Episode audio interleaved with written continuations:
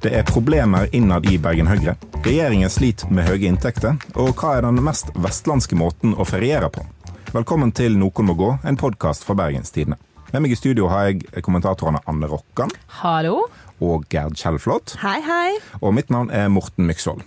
Og Anne, eh, vi må starte med Bergen Høyre, for der skjer det ting. Ja, det ser faktisk ut som det er noe lignende et mytteri på gang i Bergen Høyre. For det er jo ikke før til neste år at det er lokalvalg her i landet. Men allerede nå så har eh, Bergen Høyre bestemt seg for å utnevne sin førstekandidat.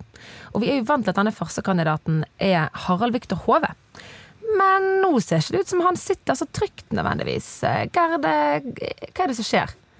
Det er jo noe som eh, begynner å ligne på et slags maktkupp i eh, Bergen Høyre. Det vil si at helt på overflaten så er det egentlig veldig lite dramatisk, det som skjer. Fordi Bergen Høyre er bare tidlig ute, som du sier. De skal nominere sine toppkandidater i Bergen til neste års valg. For dette må alle, alle gjøre, sant? Alle skal gjøre det, og de gjør det tidlig. Og nå er det på høring i hele partiet, og enkelte lag har eh, spilt inn sine kandidater. Eh, men så kommer det som er spennende, nemlig at to bydeler spiller inn et helt annet navn enn han som sitter nå. For eh, det er jo, som du ser, Høyre har hatt sin toppkandidat siden 2018. Harald Viktor Hove. En eh, mann i dress med briller som sier 'jeg og ikke'. Og på en måte sånn sett høres ut som eh, en perfekt fyr for Høyre. Eh, og han har ønska å fortsette. Han har til og med sagt til denne avisen Bergens Tidende at eh, når jeg blir byrådsleder i 2023, osv., osv. Så når da et bydelslag, eller faktisk to nå, da, sier nei, vi vil heller ha en annen, så er det et ganske sånn sterkt uttrykk for faktisk mistillit. Ja. Hvem er denne her eh, andre kandidaten da, Morten? Du har jo vært medlem av dette partiet her i Hvor mange sekunder var det? Nei, det var noen få måneder. Ja, Alle du- kan gjøre feil. Alle kan gjøre feil.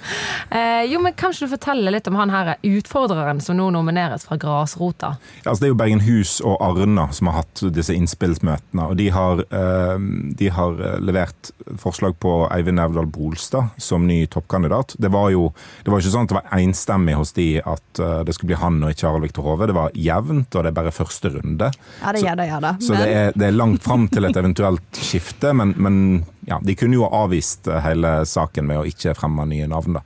Men Eivind Nevdal Bolstad, tidligere varaordfører i Volda i eh, Møre og Romsdal. Men han er jo ikke fra Volda. Nei, han er fra Odda. Eh, han har sittet i bystyret en stund, et par perioder. Eh, han er leder av lokallaget Bergen Høyre. Så han har jo en god posisjon i det eh, lokallaget allerede. Mm. men han har ikke sånn styringserfaring på det nivået Harald Viktor Hove har, som har jo vært byråd i, for ja, skole og kultur og finans og ja, gud Ja. vet hva. Men og Eivind Nevdal Bolstad er jo en litt sånn karismatisk type, vil jeg si. Han er en typisk sånn fyr som dukker opp som konferansier på interne partiarrangement. En sånn fyr som tuller litt med Erna. Eh, og sånn, altså, Der er han god, da. Ja, Eh, så Omtrent hver gang jeg går inn på Vinmonopolet, så står jeg ved nede i Bolstad med sånn spesialbestilling av sånn dyr bourgogne som han har, eh, og i sånn intens samtale med flere av de ansatte. Og eh, jeg vet han har en sånn hel vegg med et, et bygget et vinskap inn i en vegg hjemme. Så han er på en måte en eh, ja, veldig karismatisk, og eh, ikke, ikke redd for å lykkes, han heller. I, i partiets ånd. mm, Men ja, hva, er, det, er det så uvanlig å skifte første kandidat? Nei, det er det jo ikke, men det er uvanlig å gjøre det mot dens vilje, kanskje. Altså, hvis du Ja. skjønner. Mot Når han, han- som er sittende. ja. Ja, og han har ikke sittet kjempelenge. Altså, han har jo tapt et valg allerede, så du kunne på en måte sagt at det var derfor. Men 2019-valget i Bergen eh, kan vi bare minne om bompengeopprøret osv. osv. Det var ekstraordinært. At Harald Viktor Hove ikke lyktes eh, At han ikke fikk lov til å lykkes da, eh, kan vi faktisk ikke skylde på han, på et vis. Eh, nesten. Nei, og nå er jo Høyre på vei opp igjen på målingene. De er over 30 på sist uh, Ja. Og har lagt Ikke der ei- stund. Eh, mange folk i partiet sier jo at håndteringen av Bybanesaken, eh, som har ridd partiet som ei mare i mange år, den har jo vært god, syns de. Eh, de, Ja. de vant ikke fram, men de var i hvert fall fornøyd med eget partis innsats. Ja. Eh, så sett utenfra så er det liksom ingen åpenbare grunner til å skifte byrådslederkandidat. Og det er heller ingen politiske konflikter. Eh, sånn at det som Hva- hva står igjen, det det er interne problemer. Og det som blir peka på, er misnøye med lederstilen.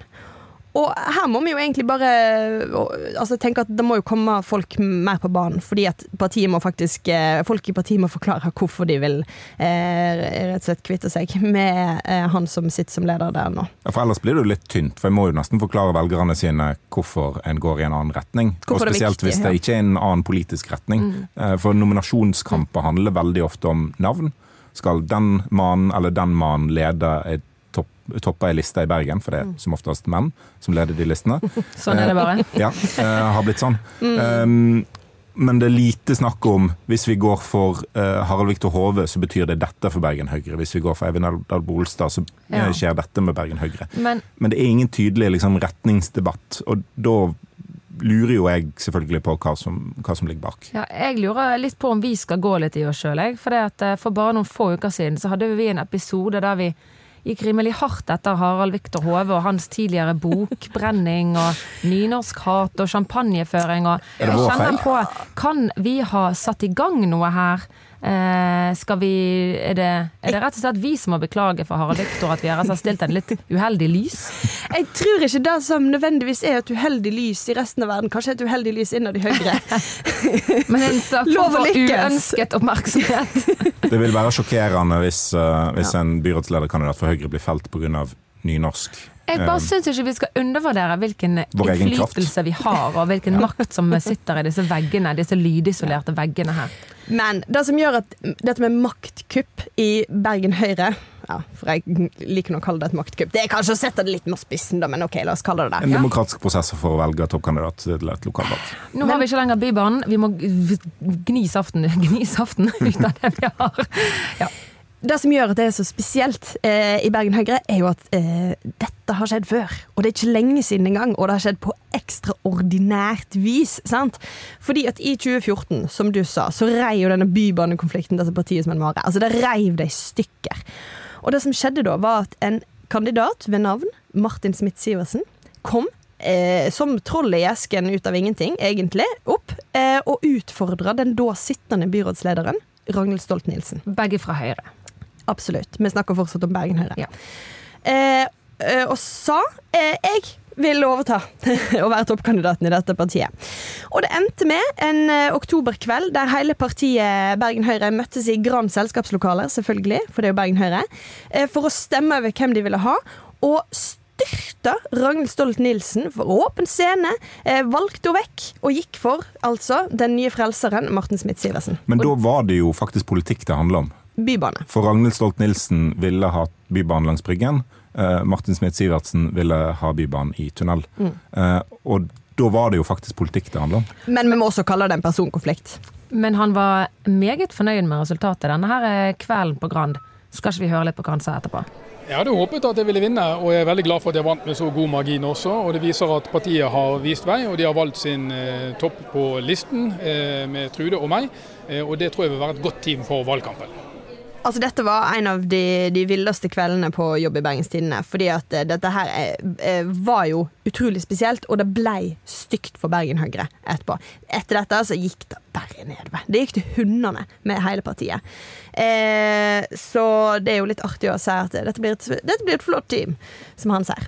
Ja. Um, Tror du det blir stygt igjen, eller klarer de å gjennomføre dette uten noe sånn shitshow denne gangen? det er det store spørsmålet. Oh, det Virkelig. blir veldig spennende å se. Eh, Når jeg fyller på bilene mine, så Og de bruker jo litt òg, og det er jo Penga ruller jo, for å si det slik. Eh, Og han, som videoen viste, han klagde jo på priser opp i 17 kroner literen. Eh, Nå var det 27 kroner literen her om dagen. Det er jo helt Det, det hører ikke hjemme noe sted at det skal være så dyrt. Det er satt prisrekord på drivstoff i Norge. Og det du nettopp hørte, var bilist Christian Øynes på Debatten. Eh, fordi fram til forrige uke så hadde aldri før bensin- og dieselprisen bikka 24 kroner. Men plutselig, i forrige uke, var prisen 26 kroner literen i Bergen. Og dette kommer på toppen av ekstraordinære strømpriser, dyrere mat og egentlig dyrere det meste. Og mens lommebøkene til folk er tomme, så heller pengebingen til finansminister Trygve Slagsvold Vedum på å renne over. For staten de håver inn på høye oljepriser, moms og andre avgifter. Og da kommer selvsagt eh, krav om at staten må hjelpe folk Men i regjeringen så drar de på det. For vi må passe oss, for vi kan få høy inflasjon. Og nå vender jeg meg til deg, Anne Rokkan, for du er jo en slags siviløkonom. Så forklar oss, gjerne, hvorfor vil ikke regjeringen hjelpe vanlige folk? Ja, Herlighet å sier en slags. Det kan vi eh, snakke mer om senere. Eh, jo, altså dette er jo en veldig spesiell situasjon. For vi har, som vi har snakket om før her på podkasten, så er vi jo på vei ut fra en krise og inn i en ny. Og den forrige, pandemien, eh, da brukte staten veldig mye penger på oss, på folket, og på næringslivet. Det var veldig massive støtteordninger, og det var nullrente, og dette var jo for å liksom hjelpe folk og næringslivet over kneiken. Og det har rett og slett funket. Meget bra. Veldig effektivt. Arbeidsledigheten den er kjempelav. Det er mangel på arbeidskraft. Produksjonen er høy, og norsk økonomi som helhet den går rett og slett kjempebra. I det store bildet. Vi bør ha pandemi litt oftere, da. Ja, det, eller vi kan, det, jo, det de har gjort, er jo å investere. Sant? De investerer i folk og næringsliv. Eh, hvor treffsikkert det har vært, det er en annen diskusjon. Men det er, i hvert fall, det er i hvert fall mye penger rundt i økonomien vår. Staten har pøst penger inn i, inn i markedet. Eh, så derfor går det veldig godt i det liksom, totale sånn, norsk økonomibilde. Men så vet jo folk flest at det er ikke nødvendigvis sånn føles sånn i privatøkonomien. Pga. høye strømpriser, bensinpriser, matvarepriser osv. Kan ikke vi bare pøse penger på det òg, da? Ja, problemet er jo det at da vil vi Vi venner oss til staten. Staten er rik, vi er i ferd med å bli fattig. Hvorfor kan ikke vi bare få litt av overskuddet? Og så kommer Trygve Slagsvold Vedum, finansminister, og sier at ja, nå må vi begynne å holde det tilbake. Nå skal vi i gang med et statsbudsjett. Det er ikke bare å pøse disse pengene ut i, ut i liksom blant eh, husholdningene. Og samtidig så sitter søren meg eh, sentralbanken og sier ja, selv om det nå kniper i alle retninger, så kommer vi til å sette opp renten. Så nå blir også lånene som folk flest faktisk har, de blir også dyrere. Og hvorfor det? Jo, fordi vi er redd for inflasjon. Ok, men forklar. Hva er inflasjon? Ja, Inflasjon er jo kort fortalt at pengene dine synker i verdi. Hvis du går på butikken i dag, Gerd, og så fyller du en handlevogn, eller en handlekurv, da, og så sier vi at den koster 100 kroner, koster de varene. Det er ikke mye. Men 100 kroner jeg så Se for deg en hundrelapp, sant? Veldig greit. ja. Så betaler vi hundrelapp. Mm. Og så kommer vi tilbake til butikken dagen For. Gerd bruker kontanter. Det ser jeg for meg, ja. Eh, og så kommer jeg tilbake til butikken dagen Dette er pedagogisk, Morten. Kan du holde kjeft? Eh, og så kommer jeg tilbake til butikken, handler akkurat de samme varene dagen etter. Men da er det akkurat ikke lenger nok med den hundrelappen. Varene har steget i pris. Og dette går jo over lang tid, det går sakte. Men det er jo nettopp inflasjon som gjør at vi sier sånn å ja, jeg tjente jo 70 000 i året, jeg. Det var de tider. Eh, sant? Ja, de pengene er ikke verdt en dritt lenger hvis det er årslønnen din. Eh, fordi at inflasjonen har gjort at alt er blitt dyrere, og pengene våre synker sakte, men sikkert i verdi. Og dette vil vi. Vi vil at de skal, vi skal ha litt inflasjon. Rundt- Hvorfor det? Fordi eh, at det tyder på en slags vekst i økonomien. Det går fremover. Eh, men hvis det, går for, eh, hvis det vokser for fort, så blir det veldig uoversiktlig. For at hvis du får, eh, La oss si du får 70 000 i årslønn, da, bare for å holde på et helt urealistisk nivå. Så har du fått den avtalen av, arbeidsgiveren din. Og så vet du cirka hva de pengene gir deg, og du har boliglån, og du har et forbruk, og eh, du har en privatøkonomi som tar høyde for at sånn, ok, de 70 000 de tar meg så og så langt. Men hvis inflasjonen, som vi nå har vedtatt, den skal ligge på rundt 2 og det er Norges Bank sin oppgave å, å prøve å holde den der. Eh, og hvis inflasjonen blir veldig, veldig høy, så de 70 000 eh, du får i året, de er verdt halvparten neste år. Uten at du har rukket å få høyere lønn, for det arbeidsgiveren din har også økt. Altså, det heng, da kommer det ut av kontroll, og da vet du ikke fra måned til måned hva pengene, hva inntekten din egentlig kan, kan kjøpe deg. Hva den er verdt. Og dette, dette er krise, hvis Hvis dette den kommer ut av inflasjon, så er det krise. Det er krise for private eh, folk. kontroll. Og det er også krise for næringslivet, som da selger f.eks. De har eh, langsiktige prosjekter og kontrakter. Selger de varene sine, eh, og så får de inn penger som ikke lenger eh, hjelp, altså, ikke lenger betjener kostnadene deres. Så det går i minus på det de trodde de skulle gå i pluss på. Men problemet da er jo at eh, da er vanlige folk helt støkk midt i dette. For regjeringen må passe på at det ikke Ja. blir inflasjon. Eh, og Altså, Norges egentlig Bank det, er, Norge, det er Ja, Norges ja. Bank sitt ansvar. Men, Men- det Norges Bank sier er ok, her er det veldig mye penger i omløp, og prisene stiger. Eh, Som sagt, eh, en vanlig inflasjon skal egentlig ligge på rundt 2% Siste året har den vært på 3,7, og vi er redd for at den er stigende. Eh, Så det Norges Bank sier, ja, er, det, og det er jo konsumprisindeksen som på en måte er målet vårt på inflasjon. Og Norges Bank sier ok, den er stigende. Vår respons på det er at vi øker renten. Da får folk flest, som da er boligeiere, og i tillegg eh, de får, de får litt, litt grann dårligere råd. Det er litt dyrere å låne penger. Da kommer folk til å slutte å låne penger for å finansiere forbruket sitt, og heller begynne å spare penger for å finansiere forbruket. Det er i hvert fall teorien. Det er i hvert fall teorien, men vi antar at det funker som vi har jo sett den effekten. Uh, ja. og, så når de setter opp eh, renten, så tar folk ned forbruket sitt. Da blir det litt mindre penger der ute i den store økonomien. Vi har litt mer på konto istedenfor, fordi renten er høyere.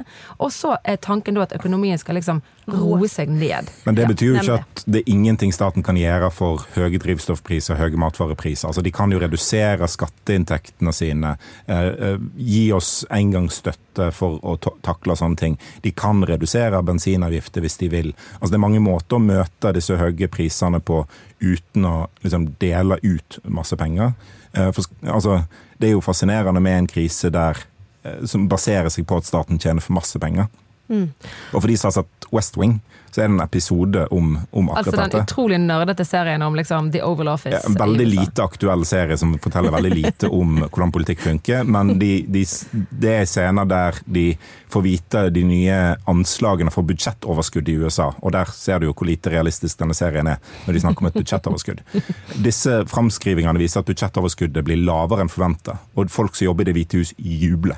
For det betyr at de har færre penger å eh, dele ut. Det blir lettere å få gjennom budsjettet, fordi det blir ikke så masse krangel om hvem som skal få ta del i dette overskuddet. Nå sitter Vedum der og ser Pokker meg, vi kan tjene 1750 milliarder ekstra i år på høye gass- og oljepriser. Det er et problem for Senterpartiet Ja. å tjene 1750 milliarder ekstra. Og da må jeg spørre deg, fordi du, Morten, er jo eks-Frp-er. Det er korrekt. Eh, de, til de fleste partier eh, Neida. der borte. Neida. bare Høyre og Frp, som jeg vet om. Eh, og da Grov insinuasjon. Og da eh, er vel du for å fjerne ca. alt av eh, avgifter på drivstoff, kjenner jeg deg rett? Nei, eh, det er jeg ikke. Eh, Jeg kunne godt ha levd med lavere avgifter sånn generelt sett, men akkurat drivstoffavgiften er jo fornuftig, fordi den eh, Da betaler du faktisk for forurensingen du står for. Du betaler egentlig avgift for hver kilometer du kjører. Så det er nemlig de mer fornuftige avgiftene. Og en av grunnene til at drivstoffprisen ikke bør reduseres kunstig nå, med et stort kutt i, i avgiftene Frp foreslo å fjerne drivstoffavgiftene midlertidig, eh, er jo at dette er ikke det samme som høye strømpriser. Strømmen er jo fornybar, mens eh, drivstoffet er fossilt og forurensende. Så høye priser kan akselerere et skifte, og det skiftet trenger vi. Eh, Og vi hadde en forelesning fra Handelshøyskolen her i stad. Nå skal vi gå til et veldig anekdotisk døme, men som er backa opp av litt tall. da. Fordi på vei til Så lenge det er litt tall, så er det greit. på vei til jobb i dag så tok jeg bussen gjennom Fløyfjellstunnelen. eh, Og ble stående fast i eh, verdens lengste bilkø. Eh, Fordi folk har funnet ut at drivstoffet er sjukt dyrt, så jeg må tømme tanken, sånn at jeg kan fylle drivstoff nå når det er så dyrt, sånn at jeg kan klage. For klaging er en vestlandsk verdi. Så alle var ute og kjørte bilen sin i dag. Bygarasjen var stappfull. Ja. Det er rekord i bygarasjen. Den har pleid å være det sånn har vært halvtom. det er noen Eh, uker nå. Ja, ja. Og jeg forstår at mange folk kjører oftere bil nå, og har gjort det gjennom pandemien fordi en fikk råd om å unngå trengsel på kollektivtransport. Men eh, den pandemien er vel litt på hell. Eh, så en kan jo eh, oppsøke kollektivtransport igjen. Men jeg satt da i den, eh, den bilkøen på en halvtom buss eh, og bare så drivstoffet liksom eh, ose opp i lufta. Ja. Så du tror ikke på dette? Denne her såkalte drivstoffkrisen? Det Nei, tror altså, det, ikke du på? Det påvirker jo folks økonomi, men det er ikke sikkert det er veldig lurt å bare si vi kutter pumpeprisen på drivstoff. Det kan godt hende at vi skal hjelpe folk som får ødelagt økonomien sin, i hvert fall de som trenger å kjøre bil i hverdagen. Mange av de jeg sto i kø bak i dag, trenger ikke kjøre bil. Mm. Men da må vi gjøre det på en smartere måte. Kutte skatten, gi folk heller en støtte uavhengig om de kjører bil eller ikke. Ikke gjøre det skiftet vekk fra fossil drivstoff treigere enn det denne krisen gjør det mulig, da. Men vi må tilbake til det politiske litt her. Fordi eh, denne krisen her blir jo på en måte da vanskeligere for regjeringen, den, den sittende regjeringen nå, enn hva bankkrisen var for eh, den forrige regjeringen, rent økonomisk. Fordi de kan ikke bare pøse penger Det det. inn. De er nødt til å stå i midten her og prøve å balansere så det ikke blir en voldsom inflasjon. Og samtidig har de da veldig mange eh, sinte mennesker eh, som reelt Altså, du kan ha ditt anekdotiske bevis, Morten, men en del mennesker opplever jo virkelig dette som krevende. De sliter med å få eh, utgiftene og inntektene sine til å gå opp eh, hver måned. De såkalte endene til å møtes. Ja, rett og slett. Enten i Byparken.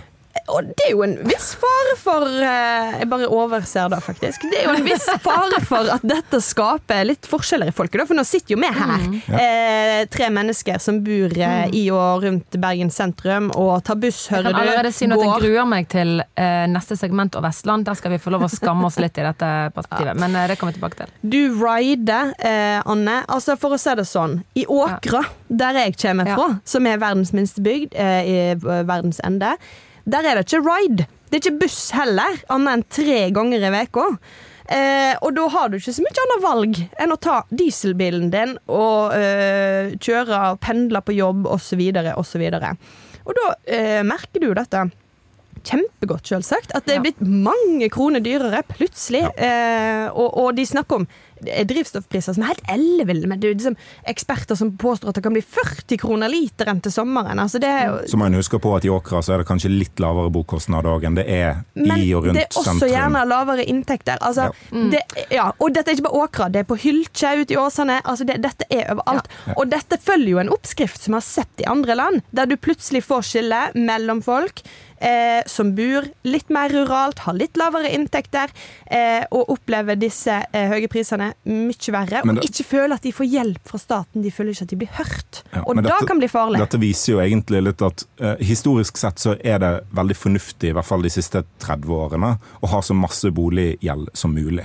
Altså Det er bedre å ha 3 millioner enn 2 millioner i gjeld. Det er bedre å ha 5 millioner enn 4 millioner i gjeld. Fordi du får, du forklare. du får rentefradrag eh, per kroner du har i gjeld, så staten betaler deg subsidier for å ta opp masse boliglån. Og i tillegg så eksploderer boligprisene. Ja, da boligprisene har vokst. tjener du mer jo du, du, du tjener mer det, det er lurere å sitte på en leilighet til fem millioner enn en leilighet til tre millioner. Som akselererer et skille mellom by og bygd eh, rent økonomisk. Mm. Men den, det insentivet der, de gangene en, en havner i en situasjon der boliggjeldet blir dyrere, så er det jo ikke så lurt å ha lån som tyter ut av pipa.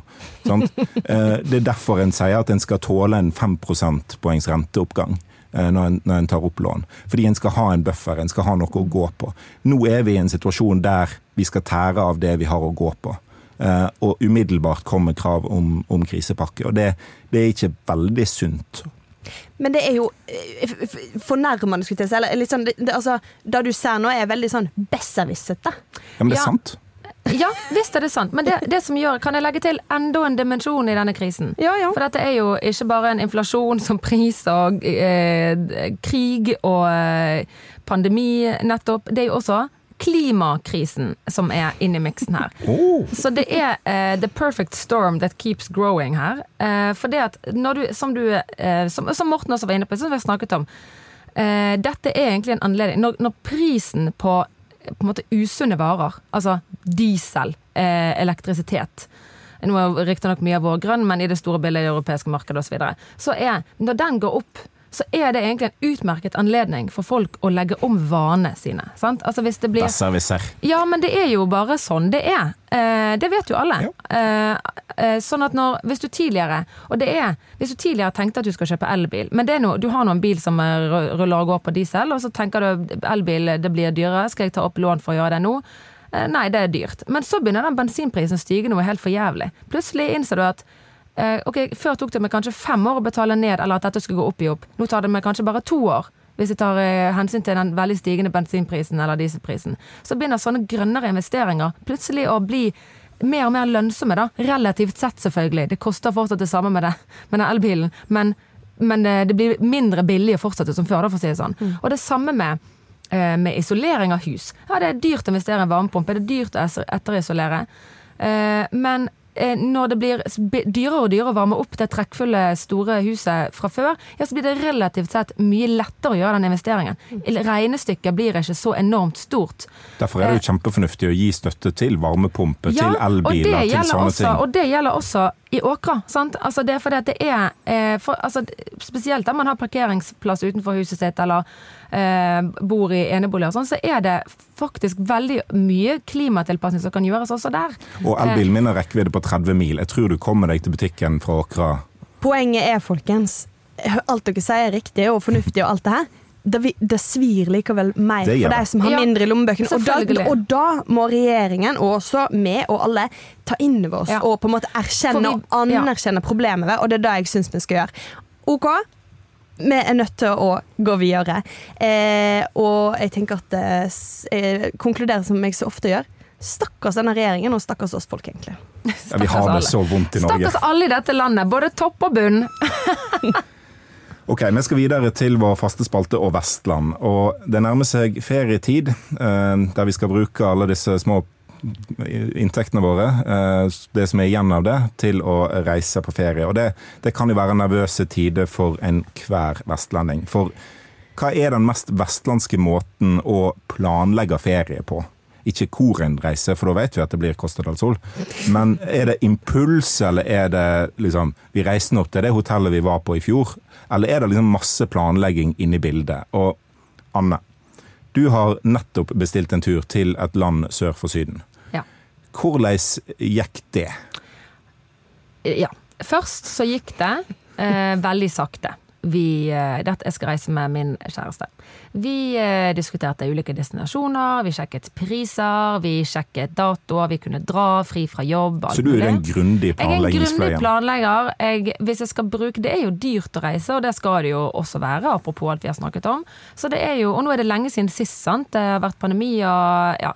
Så eh, det er, jeg, det, jeg syns det er viktig å gjøre et nøye valg, og jeg har lyst til å på en måte føle meg veldig sånn trygg på valget og vite at her kommer jeg til noe som, som er det vi hadde liksom så etter. Og, Og som en slags eh, siviløkonom så vil du ha mest mulig nytte ut av ferien. ja, sant? sant? Det er det det handler om å nyttemaksimere. Skal vi først dra langt og bruke masse penger, så vil jeg i hvert fall Og hvis du har på en måte to hotell som ligger rett ved siden av hverandre, og det ene passer deg kjempegodt, og det andre ikke, eh, og de koster det samme, så er det verdt å liksom gidde å google seg frem til hvilket du skal bo på. Så jeg, jeg liker å gjøre litt research før jeg skal dra. Uh, og det første vi måtte bestemme oss for, var jo rett og slett hvor skal vi, selve destinasjonen.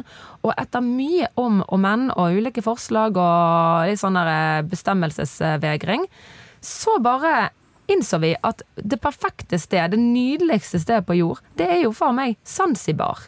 Ja. Det var til og med mulig å dra dit uten at det var sånn helt hinsides dyrt, og det var masse tilgjengelig dritfine steder å bo, varmt i vannet og eh, Alt perfekt. Du ser jo på de bildene. Du har jo lyst til å dra dit på ferie.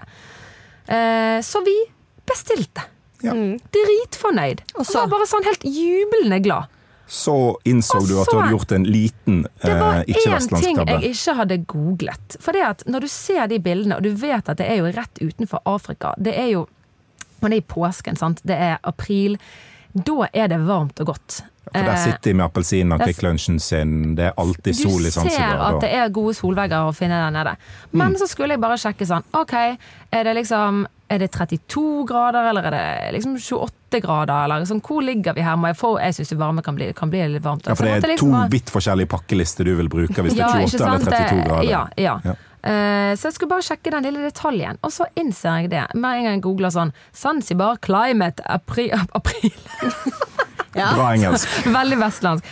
Eh, så det står det bare i basically sånn store fonter på alle Google roper sånn Don't go! Stay home! Zanzibar i april er, som en reiseoperatør kalte det, A little bit miserable. For det viser seg det at Zanzibar har ikke bare sånn vanlig sånn regntid. De har én måned. Altså De har litt regntid, det kalles the short rains. Da regner det sånn monsunkjent. Det kommer en bye, og så løper alle inn under tak, og så står du der og tar deg en vet ikke en paraplydrink, eller noe sånt, og så løper du ut igjen, for da er- er liksom byen forbi. Men nei, ikke i Zanzibar i fucking april. Der er det bare vått. Og hvis det ikke er vått, så er det i hvert fall overskyet. Det er ekstremt høy luftfuktighet, og det blåser ikke engang, så du bare sitter i en sånn dampovn. Er det litt kaldt og litt breiflabb Det er ikke kaldt og breiflabb overalt, det er jævlig varmt og vått, og, og det pissregner, liksom. Det er som et og så steambad. sjekker jeg til og med på nedbørsmengden. Og vet dere hvor mye det regner i Bergen i oktober? Masse. 268 millimeter. Det er masse. Vet dere hvor mye det regner på Zanzibar i april? Masse. 401. Det er to ganger masse. Det er to Nesten. ganger masse, nesten. Jeg kunne Det vært en slags er jævlig masse. Ja. Ekstremt masse. Jeg syns du er så dum. Takk for det. For det er dette du mente med en slags siviløkonom. En veldig dum en. Du er ikke, du er ikke slags dum, du er dum. Dette gjorde du ikke i kraft av å være siviløkonom, dette gjorde du i kraft av å være Jeg ble, jeg ble litt heftig og begeistret. Men Men vær, er det det første du sjekker, Gerd, når du bestiller ferietur til Granca? 110% ja. Eh, altså, som vestlending så reiser en det, Jeg har to tanker i hodet når jeg skal reise. Det ene er hva vær er det der jeg skal til? Og det andre er hva vær er det her? Ja, for du når er en sånn at hvis det er sol og 17 grader her, så er det litt bortkasta å reise. Fullstendig. Ja, igjen er det den relative nytten. Ja. At den, eh, den konkrete nytten av å være i Syden blir lavere jo finere vær det er hjemme. Mm. Du ser pengene bare, de er helt fullstendig bortkastet. På samme måte, hvis jeg er hjemme her og det er 14 grader og regn, og jeg vet at Gerd er i Syden, og jeg får et bilde av at det er hølje ned der, Ja. så er 14 grader og regn i Bergen ganske fint. Ja. Relativ nytte er et viktig konsept. Dette er jo det styggeste i oss vestlendinger. At vi ikke unner At En ting er at vi ønsker oss godt vær for oss sjøl, men vi unner ikke andre vi, godt vær. dette er jo det eneste vi er fattige på. Jo, Der. altså, Men- men- det der er ikke svart-hvitt. Altså, jeg unner deg en fin ferie, men jeg har litt skadefryd hvis det er én dag med skikkelig regn òg, altså. Nemlig. Ja.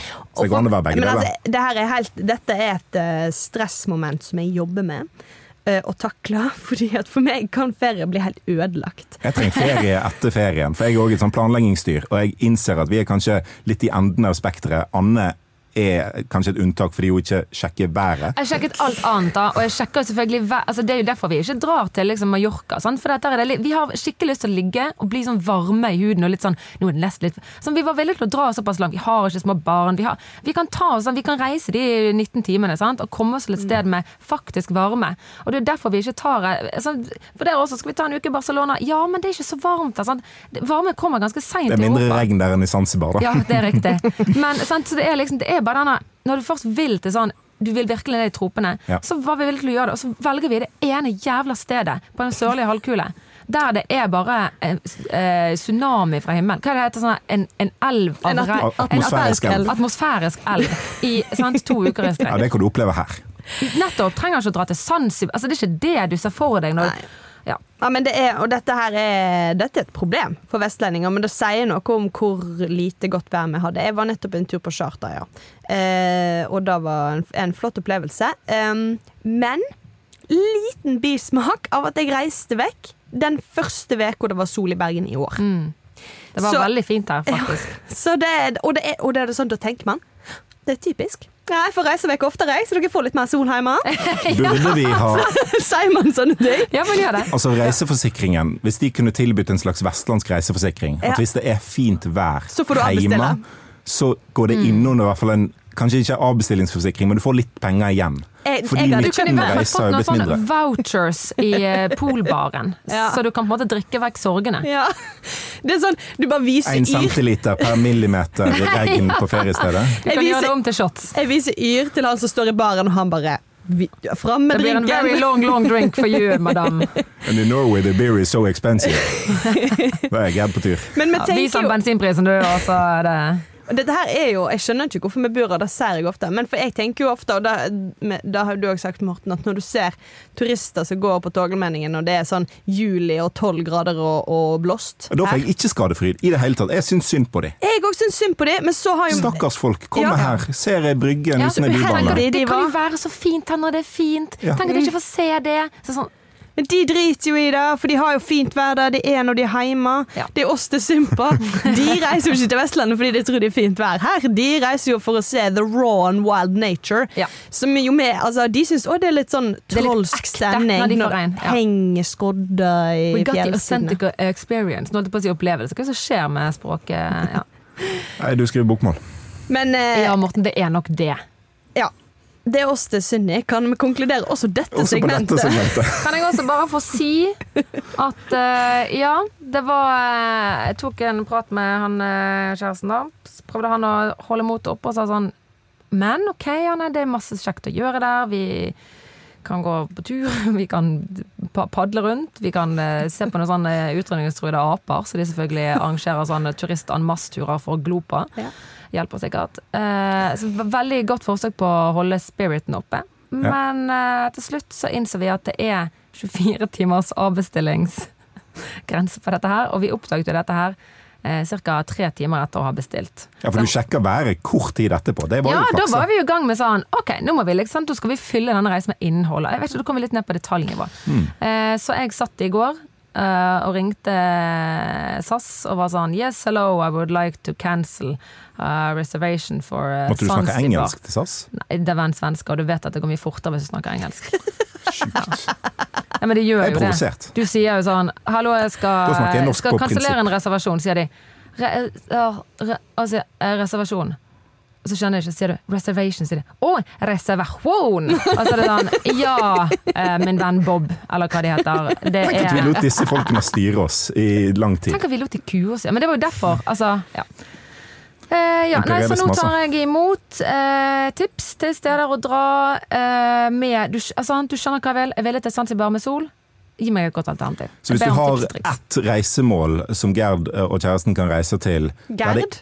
Nå må Gerd, du, nå må Anne. roe han litt ned. Ja. Anne og Jeg så til og med på Gerd. Jeg sitter Ja. rett foran deg, Morten. Det gjør du. Og det jeg Gerd har vært i Syden nå og drukket sånn eh, billig rosévin. Kan godt hende at du trenger en ferie til. Ja. Ok, Hvis du har innspill til ett reisemål som Anne og kjæresten ja. hennes kan reise til, så uh, skriv til oss i Facebook-gruppa Noe må gå. Um. Det bør ikke være regntid der. Og Kommer du med et forslag, og det viser seg å være regn i den perioden, så kommer Anne til å kjefte på deg. Eh, hvis jeg har overskudd etter dette. Ja, det var det, da. Ok, Før vi avslutter, er det noen som må gå denne veka? Um, Anne, skulle jeg si. Ok. Sjekk værmeldingen. gjort det før. Kan gjøre det igjen. Nei, Harald til Hove må jo kanskje gå på sikt. Det kan se litt stygt ut. Og så Ja. må jo sikkert alle gå da til slutt, fordi bensinprisene er så himla høye. Da hadde i hvert fall jeg kommet meg på jobb litt raskere hvis folk hadde gått i stedet for å Ja, du òg, for eksempel. Jeg tok i hvert fall Ja, bussen. det gjorde det. Boom! Det sant. Innspill og tilbakemeldinger det sender du til nmg-bt.no eller i Facebook-gruppa Noen må gå. Intromusikk det var bergensere av Bjørn Toske. Produsent er Henrik Svanvik. Takk for at du hører på. Ha det bra! Ha det! Ha det!